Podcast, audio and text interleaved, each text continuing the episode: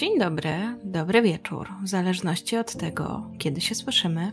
Tak sobie pomyślałam, że dawno nie było nic serii Missing 411 i czas to nadrobić. Dlatego dzisiaj zapraszam Was właśnie na odcinek z tej serii. Nie miałam jeszcze okazji tego wcześniej zapowiedzieć, ale w czwartek 22 kwietnia o godzinie 18.30 będę występowała na konferencji, na którą zaprosiła mnie Elsa Olsztyn i pomyślałam, że przedstawię temat przeniesionego zespołu Munchhausena na przykładzie sprawy Didi Blanchard. Nie wiem jeszcze, o której wrzucę Wam ten odcinek, dlatego chciałam uprzedzić, że jeżeli będzie to już po moim wystąpieniu, to będzie możliwość obejrzenia powtórki. Linka wrzucę Wam w opisie.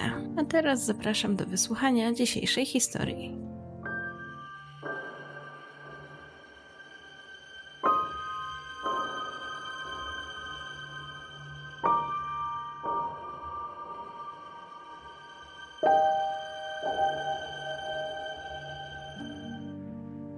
Przypominam, że seria Missing 411 to seria o zaginięciach w parkach narodowych USA i nie tylko.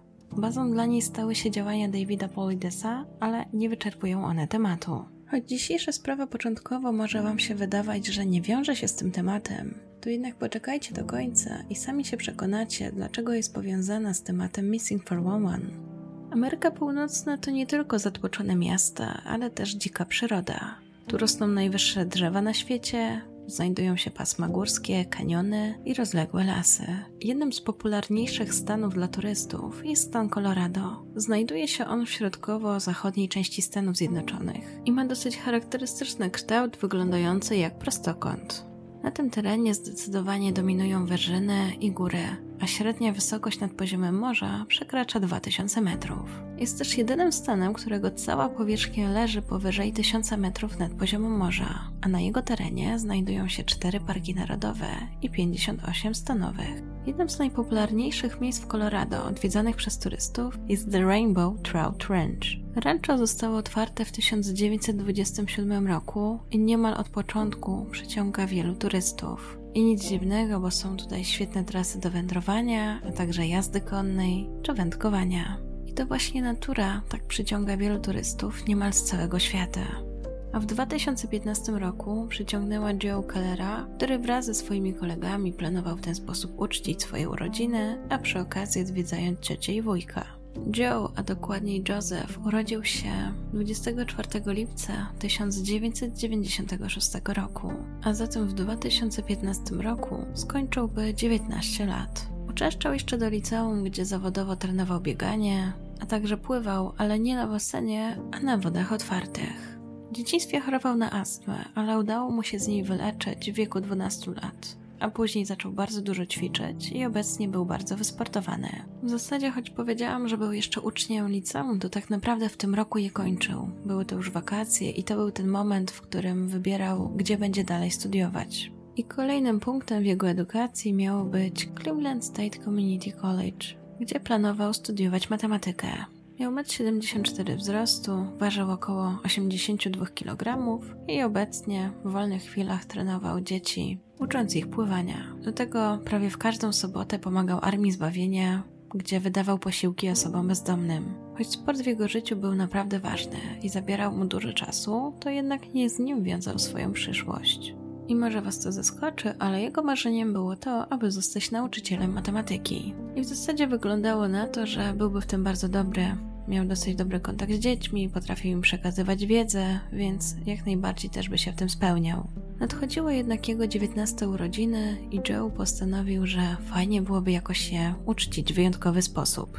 Pomyślał wtedy o siostrze swojej mamy, która była właścicielką rancha, o którym wcześniej już mówiłam, i pomyślał, że fajnie będzie wraz z dwoma kolegami wybrać się na taką 15-dniową wycieczkę, gdzie dzięki temu, że pojadą samochodem, będą mogli zwiedzić wiele miejsc i też to zwiedzanie byłoby poprzeplatane uprawianiem sportu, na przykład biegami przełajowymi, bo była to grupa, która lubiła uprawiać sport, zwłaszcza w takich pięknych warunkach przyrodniczych. Zatem nastolatkowie, na co dzień mieszkający w stanie Tennessee w Cleveland, postanowili wsiąść do Subaru i wyruszyć do innego stanu na wycieczkę. Wraz z Joe jechał jeszcze Colin i Christian. Zanim dojechali na rancho, odwiedzili jeszcze Las Vegas, San Francisco, Wielki Canyon i dopiero udali się właśnie do Rainbow Trout Ranch. Z tej trójki najbardziej zapalonymi sportowcami byli właśnie Joe i Colin, i to oni postanowili, że będą razem biegali podczas tej wycieczki. Colin również wyczynowo uprawiał sport, był między innymi członkiem drużyny narciarstwa biegowego, więc gdy tylko mieli okazję, robili swoje treningi. Taki sam plan mieli też potem, gdy tylko dotarli na rancho, a dokładniej zaplanowali całkiem rutynowy trening, czyli godzinny bieg, który prowadził trasą przecinającą rancho na pół i potem w stronę lasów państwowych, a następnie wzdłuż rzeki. Ponieważ nie miał być to długi trening, to Joe zostawił swój telefon i portfel w domu na rancho. W zasadzie nic ze sobą nie wziął, na sobie miał tylko czerwone spodenki do biegania, niebieskie buty i zegarek. Ponieważ pogoda dopisywała, to nawet nie zamierzał zakładać koszulki. Wspomniałam już, że był wysportowany, ale nie wspomniałam, że był blondynem, więc cały jego obraz sprawiał, że wyglądał jak ratownik z takiego serialu Słoneczny Patrol. Nie wiem, czy oglądaliście, czy pamiętacie, ale ja akurat oglądałam całe dzieciństwo. Trening zaplanowali na popołudnie, a dokładniej na 16.30. Uznali, że będzie to taki bieg przełajowy, czyli w skrócie taki bieg z naturalnymi przeszkodami. Co prawda żaden z nich nie znał do końca okolicy. Widocznie Joe nie bywał zbyt często u wujostwa, albo przynajmniej sam nie zwiedzał tych okolic. To jednak i tak uznali, że nic się nie stanie, jeżeli się rozdzielą, bo każdy z nich miał inne tempo. Z drugiej strony ta trasa, którą wybrali, wydawała się być całkiem przejrzysta. Po lewej stronie były łąki, na których pasło się bydło. Po prawej, co prawda, gęsty sosnowy las, ale nie mieli do niego wkraczać. A sama droga, którą mieli biec, była dosyć szeroka. Początkowo jednak biegli razem, delektowali się ładnymi widokami, to jednak w pewnym momencie zdecydowanie widać było, że mają różne tempo.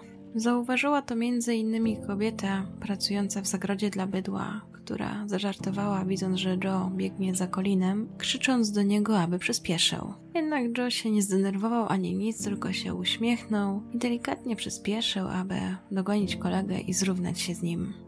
W pewnym momencie jednak nastolatkowie zdecydowali, że na chwilę usiądą i odpoczną, że zrobią przerwę w tym treningu, a następnie ustalili, że przebiegną razem jeszcze 400 metrów, a potem się rozdzielą, każdy pobiegnie inną ścieżką, tak żeby spokojnie mogli biec swoim tempem i żaden na drugiego nie wpływał. I ogólnie Colin miał ze sobą zegarek, który miał wbudowany GPS, dlatego też wiemy, jak wyglądała jego trasa. Otóż po tych 400 metrach skręcił w prawo. Z tej głównej trasy, którą biegli, skręcił w prawo, ominął tam podjazd rancha i te wszystkie zabudowania. Początkowo wydawało się, że planuje biegać właśnie w pobliżu tego rancha, jednak z jakiegoś powodu zmienił zdanie i nagle skręcił drogą, która prowadziła w dół, w stronę rzeki a później skierował się w górę rzeki, tą samą drogą, którą biegł wcześniej, i kierował w stronę miejsca, gdzie z Joe umówił się na spotkanie, bo nastolatkowie umówili się, że po tym rozdzieleniu spotkają się później w konkretnym miejscu. Natomiast wydawało się, że w tym czasie Joe pobiegł tą główną drogą i nigdzie nie skręcał, a przynajmniej tego nie udało się ustalić. W końcu Colin dobiegł na to miejsce i czekał, aż Joe dobiegnie. Czekał i czekał i czekał, ale Joe nigdzie nie było widać. I gdy już tak czekał dwie godziny, stwierdził, że wróci na rancho i sprawdzi, czy przypadkiem Joe tam nie wrócił i po prostu jakoś źle się dogadali i on bez sensu tutaj czekał. Po drodze spotkał jeszcze wędkarza, którego podpytał, czy przypadkiem nie widział biegającego nastolatka, ale mężczyzna stwierdził, że tylko Colina, ale nie Joe. Nastolatek wrócił w końcu do domu na rancho, licząc, że gdzieś znajdzie swojego kolegę, ale niestety i tam go nie było. Czekał więc godzinę i gdy do tego czasu Joe jeszcze nie wrócił, zaczął się poważnie martwić. W końcu Colin i Christian, czyli drugi kolega z tej trójki, postanowili, że wsiądą do auta i przejadą się tą drogą, trąbiąc i czekając, czy Joe na przykład nie wyjdzie z lasu. Albo liczyli, że może coś mu się stało, nie wiem, może kostkę zwichnął i na przykład będzie do nich krzyczał i wtedy mu pomogą. Martwili się zwłaszcza, że Joe nie miał przy sobie telefonu, więc nawet nie miał jak ich poinformować, że coś się stało. O 19.30 powoli zaczynało się już ściemniać, a po Joe dalej nie było śladu. Jego przyjaciele już bardzo się o niego martwili. Nie wiedzieli, gdzie on jest, wiedzieli natomiast, że nic przy sobie nie ma, ani jedzenia, ani schronienia, ani nawet ubrania, które mógłby założyć na chłodniejszą noc. Bo choć w dzień było całkiem ciepło, były to jednak góry i wieczorem robiło się znacznie chłodniej. Końcu nastolatkowie stwierdzili, że sprawa jest na tyle poważna, że czas zawiadomić wujostwo Joe'ego i oczywiście też jego rodziców. Wujek nastolatka potraktował jego zaginięcie bardzo poważnie i o 22 zadzwonił do szeryfa, aby poprosić go o pomoc. Ten z kolei na miejscu pojawił się około północy wraz ze swoimi dwoma zastępcami. Ponieważ była to już dosyć późna pora, było ciemno, było mało osób, więc jedyne co mogli byli zrobić to przeprowadzić takie szybkie poszukiwania, czyli skupić się na tych najbardziej logicznych obszarach, na których mógłby się znajdować Joe. Na całe szczęście ta noc była całkiem ciepła, więc wszyscy wierzyli, że to będzie jedna z tych śmiesznych historii, gdy Joe rano wróci i opowie, jak to przeżył przygodę życia. Ale jak to raczej zakładano, te pierwsze poszukiwania zbyt wiele nie dały i te bardziej takie profesjonalne miały rozpocząć się dopiero nad ranem. Następnego dnia wypadały urodziny nastolatka. W tym dniu też powiadomieni rodzice dojechali na miejsce, a dokładniej byli już tam o drugiej w nocy i bardzo się martwili o swojego syna. Punkt szósta zaczęły się te oficjalne poszukiwania. Podzielono się na zespoły, zakreślono odpowiednie obszary, każdy wiedział, gdzie ma iść i kogo szukać. Poszukiwania miały się zacząć od miejsca, w którym Joe był po raz ostatni widziany i była to wielka sosnowa brama na terenie rancha. Tam też nastolatkowie rozpoczęli swój bieg. Do akcji ściągnięto także psy, które miały wspomóc te poszukiwania. Jeden z psów wskazał właśnie tę drogę, którą nastolatkowie biegli. Tylko, że inne psy poszły w zupełnie różnych kierunkach, i to już sprawiło, że nie wiadomo było na którym się skupić. Pomimo, że hrabstwo, w którym się to działo, jest jednym z najbiedniejszych hrabstw w USA, a departament szeryfa ma raczej niewielkie zasoby, to dzięki wolontariuszom i różnym organizacjom udało się wykorzystać cenny sprzęt, m.in. drony, a nawet helikoptery czy sprzęt na podczerwień, który pomagał w poszukiwaniach. Joe poszukiwano nie tylko pieszo, ale także konno i wykorzystując do tego samochody. Wujek nastolatka wierzył, że gdyby ten gdzieś leżał ranny, to na pewno by ich usłyszał, bo było tam naprawdę wiele osób, które go nawoływały. Oczywiście była też możliwość, że chłopak był nieprzytomny i po prostu oni tam nie dotarli i nie znaleźli go. Ale naprawdę wiele osób zaangażowało się w te poszukiwania. Natomiast pojawiła się też taka kwestia. Nie jest to potwierdzone, raczej to były takie plotki, że szeryf tego miasta, w którym byli, odmówił pomocy od innego szeryfa, twierdząc, że to jego ludzie lepiej znają okolice, plus wierzył, że Joe był młodym silnym chłopakiem, więc na pewno znajdą go żywego i nie potrzeba angażowania innego wydziału. Były to natomiast plotki, które powtarzali miejscowi, sam szeryf się do tego nie odniósł. Przez pierwszy tydzień nastolatka poszukiwało 200 osób i 15 psów. Sprawdzano także ten teren z góry poprzez helikopter czy drony ale po Joe nie było nigdzie ani śladu. W końcu udało się zebrać nagrodę w wysokości 10 tysięcy dolarów dla osoby, która przekazałaby ważne informacje i przyczyniła się do odnalezienia nastolatka. Wszyscy się zastanawiali, co się dzieje w tym momencie z Joe i jak daleko mógł zajść w takim stroju, bez koszulki, tylko w krótkich spodenkach i butach do biegania, bez żadnego jedzenia, bez picia, zdany tylko na siebie. Ponieważ ten tydzień poszukiwań nic nie dał, powoli kolejni wolontariusze się wykruszali, twierdząc, że muszą wyjechać do innych obowiązków. Jednak jeszcze jakaś garstka została i ta cały czas aktywnie poszukiwała nastolatka. Między innymi pytali ludzi, szukali potencjalnych świadków, robili wszystko, aby go znaleźć. Mimo tego, powoli trzeba było kończyć poszukiwania. Ludzi było już za mało, a w innych miejscach ginęły inne osoby i trzeba było się też tam zająć tymi poszukiwaniami. Jeden z wolontariuszy skomentował to tak. To dość typowe dla Colorado. Dzwonisz, a ludzie mówią: Cóż, jeśli nie znaleziono go w tym czasie, muszę iść do pracy. Rodzina Joe'ego czuła się więc całkowicie bezradna, a ta bezradność bardzo szybko przeradzała się też w gniew i urazy do służb, które ich zdaniem nie robiły wszystkiego, co powinny. Do tego wciąż pojawiali się świadkowie, którzy twierdzili, że widzieli nastolatka, potem się okazywało, że to jednak nie był Joe i w efekcie tylko pojawiało się większe rozdrażnienie. Z jego rodzicami skontaktował się nawet jakiś jasnowiec, który twierdził, że ma wizję, że Joe jest na zachodzie, w Arizonie, Natomiast oczywiście to nie była prawda. Zastanawiano się też, czy może on po prostu nie został porwany i ktoś na przykład zabrał jego organy, sprzedał je na czarnym rynku. W zasadzie podejrzewano już wszystko. Tygodnie przerodziły się w końcu miesiące, a po Joe nie było dalej śladu. W końcu w jednym z wywiadów jego ojciec powiedział: Czujemy, że nie ma go w tej okolicy. Został stąd zabrany. Niektórzy też uważali, że problemem było to, że mężczyzna, który obecnie był szeryfem, został na niego wybrany 9 miesięcy wcześniej. I choć była to osoba doświadczona, miał wielkie doświadczenie, jeżeli chodzi o egzekwowanie prawa, natomiast nie miał żadnego doświadczenia, jeżeli chodzi o takie operacje poszukiwawczo-ratownicze. Dlatego też niektórzy zarzucali mu, że to był błąd, że nie skorzystał z pomocy tego innego wydziału. Być może tamten wydział byłby bardziej doświadczony. Jeden z ratowników, który brał udział w tych poszukiwaniach, twierdził też, że niemal od drugiego dnia widać było napięcie między tym szeryfem a ojcem Joe'ego. To też na pewno nie poprawiało tej sytuacji i nie ułatwiało całej tej akcji. Ale pan Keller miał podobno wrażenie, że szeryf nie robi wystarczająco dużo. Z kolei szeryf był zły na ojca Joe'ego, że ten mu przeszkadza, próbuje wydawać jakieś rozkazy i krytykuje ich pracę. W końcu państwo Kellerowie uznali, że nie będą już polegali tylko na biurze szeryfa i wezmą sprawę w swoje ręce. Postanowili zatrudnić prywatnych detektywów.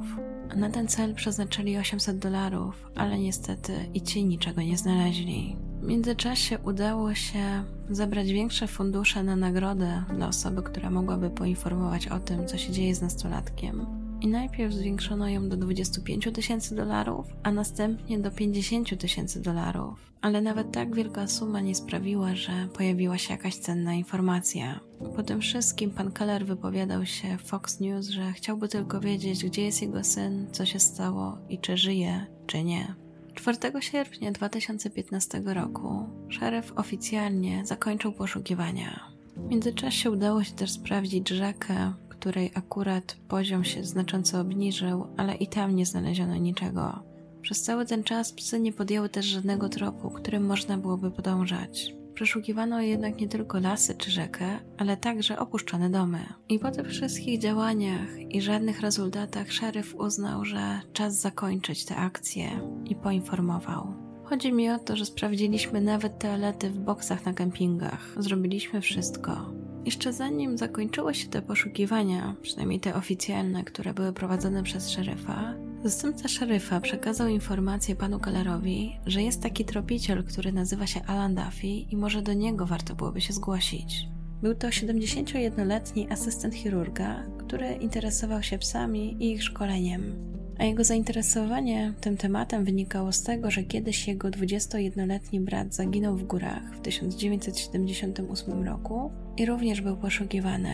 Niestety później został znaleziony martwy z ranami postrzałowymi. Od tego czasu mężczyzna ćwiczył swoje psy, a potem je zabierał, aby, aby przeszukiwać okolice i pomagać w różnych poszukiwaniach. Między innymi brał udział przy sprawie zaginięcia Joe Bennett Ramsey.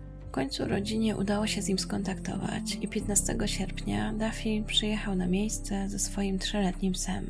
Była to całkiem długa trasa, ponad 400 km, ale mężczyźnie to nie przeszkadzało, chciał jak najbardziej pomóc w tej sprawie. Jego psy były na tyle wyszkolone, że wystarczyło, że zakładał im konkretną na przykład obroże i one wiedziały, czym mają się tym razem zajmować, bo poszukiwały zarówno żywe osoby, jak i martwe. I tak na przykład do zadań poszukiwawczo-ratowniczych przeznaczył taką pomarańczową uprząż i od tego zaczynał swoje działania. Tym razem rodzina Joe miała naprawdę ogromne nadzieje, że uda się odnaleźć chłopaka. Jednak gdy po czterech godzinach nic to nie dało, mężczyzna zmienił uprząż tym razem na czarną i powiedział Go Gadget. To było jego takie specjalne powiedzenie, które powodowało, że pies wiedział, że musi się teraz przestawić, czyli już nie szukał żywej osoby, a teraz martwej.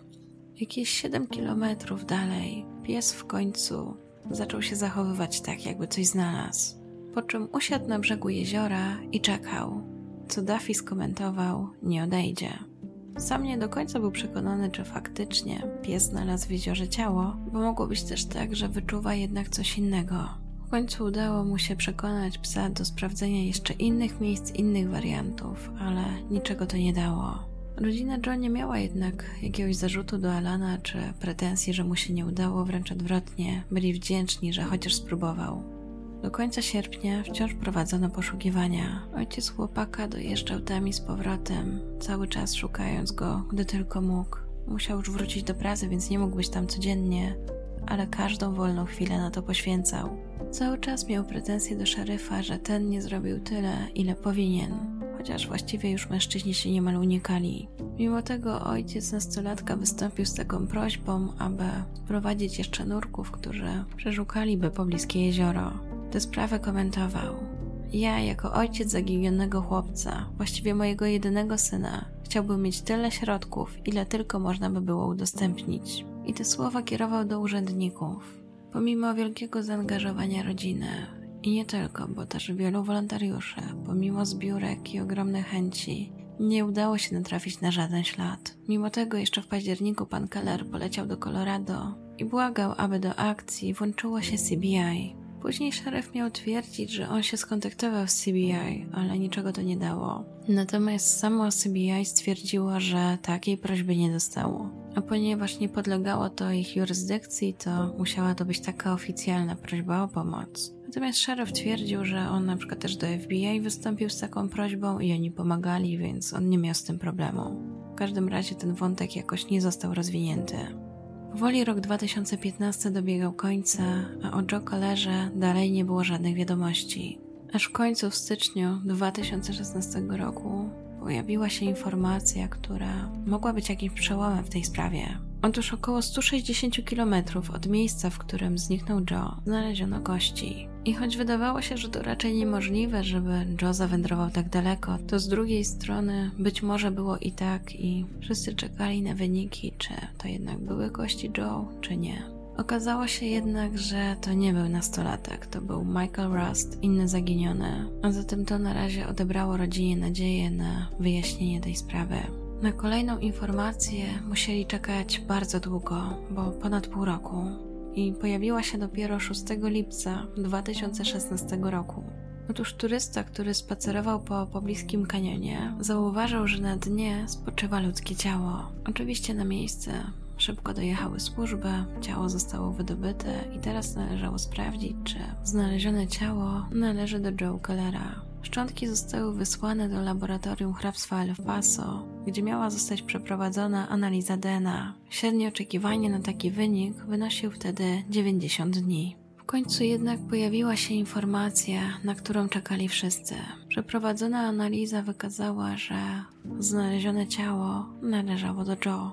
Ogólnie to miejsce, w którym znaleziono ciało nastolatka, było oddalone o jakieś 7 kilometrów. Drugą ważną kwestią było to, że ustalono przyczynę jego śmierci. Otóż sekcja wykazała, że przyczynił się do niej uraz czaszki. Na tej podstawie koroner stwierdził, że wygląda na to, iż Joe próbował się wspiąć na klif i mniej więcej w połowie jego wysokości spadł na dno i w efekcie uderzył się mocno w głowę, a potem umarł. Przykre było też to, że okazało się później, że w listopadzie 2015 roku osoby, które szukały w tym czasie Joe, w tym jego ojciec, podobno były zaledwie kilkaset metrów od tego miejsca, w którym znaleziono jego ciało.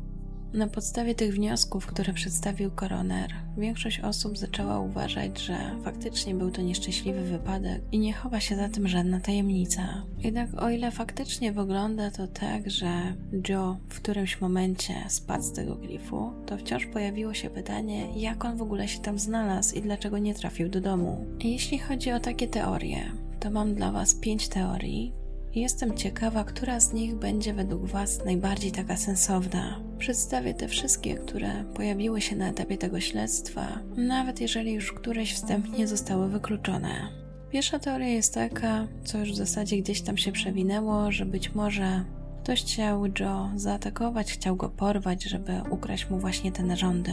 Ale on oczywiście nie chciał dać się złapać, więc uciekał i w efekcie skończyło się to takim nieszczęśliwym wypadkiem. Druga teoria też wydaje się być taka nie do końca prawdopodobna, ale pomyślałam, że i tak ją Wam przedstawię. Otóż pojawiła się hipoteza, że być może Joe był świadkiem jakiejś transakcji. Może zaobserwował coś, czego nie powinien widzieć i też potem uciekał. Tylko, że nie było to raczej miejsce charakterystyczne dla tego typu interesów. Wręcz przeciwnie, było to raczej miejsce turystyczne, całkiem bezpieczne.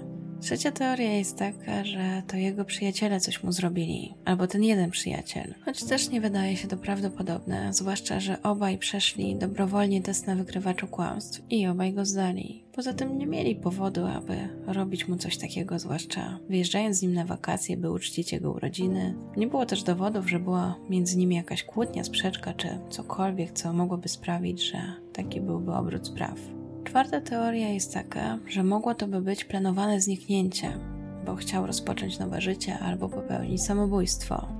Tylko znów nic nie było takiego, co miałoby na to wskazywać. Joe był w dobrym nastroju, wyszedł po prostu pobiegać, wszystkie swoje rzeczy zostawił w domu. Dlaczego miałby uciekać? Dlaczego miałby się zabijać? Sprawdzono oczywiście jego telefon i komputer i niczego tam nie znaleziono, niczego, co mogłoby sugerować, że taki miałby plan. A i sama śmierć nie wyglądała jak planowane samobójstwo. Do tego bardzo o siebie dbał, uprawiał sport, nie eksperymentował z żadnymi narkotykami, nie palił, nie pił. Naprawdę trudno było tu znaleźć jakieś wytłumaczenie, dlaczego miałby to zrobić. I piąta teoria, że pojawiła się tam pewna choroba, a dokładniej choroba wysokościowa, która miałaby sprawić, że Joe byłby zdezorientowany.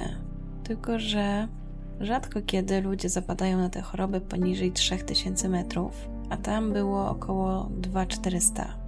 I na koniec mam jeszcze właściwie dla Was taką dodatkową teorię, którą przedstawili internauci i ciekawa jestem, co o niej sądzicie.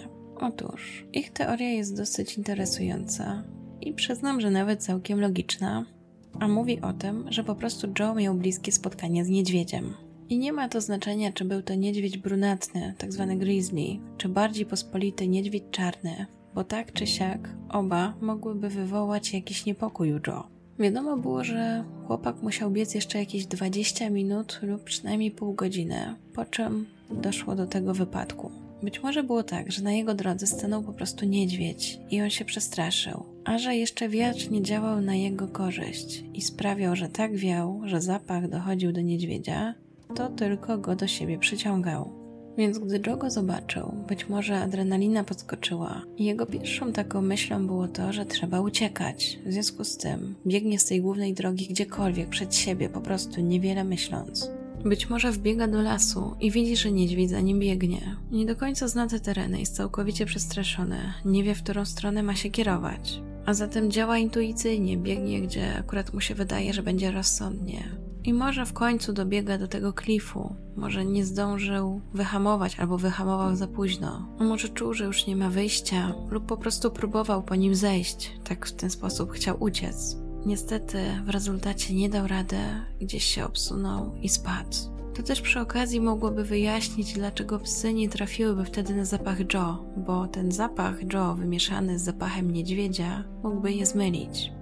Ale tak jak mówię, to jest teoria z internetu. Nie wiem, co wy o niej sądzicie, nie wiem na ile jest według was realna, ale mnie wydaje się całkiem logiczna, tak jak wspomniałam. Oficjalnie śmierć Joe Kellera została zakwalifikowana jako nieszczęśliwy wypadek. Jednak teorie na temat tego, co tam tak się naprawdę stało, mnożą się cały czas, bo do dziś nie znaleziono sensownego wytłumaczenia, jak to się stało, że nastolatek oddalił się 7 kilometrów i skończył na dnie klifu.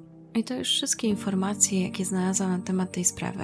Jestem ciekawa, co wy o niej sądzicie i co wy uważacie, że tam się stało, co przydarzyło się temu nastolatkowi. Dajcie znać, co myślicie, a ja dziękuję Wam za wysłuchanie. Życzę miłego dnia, dobranoc, do usłyszenia.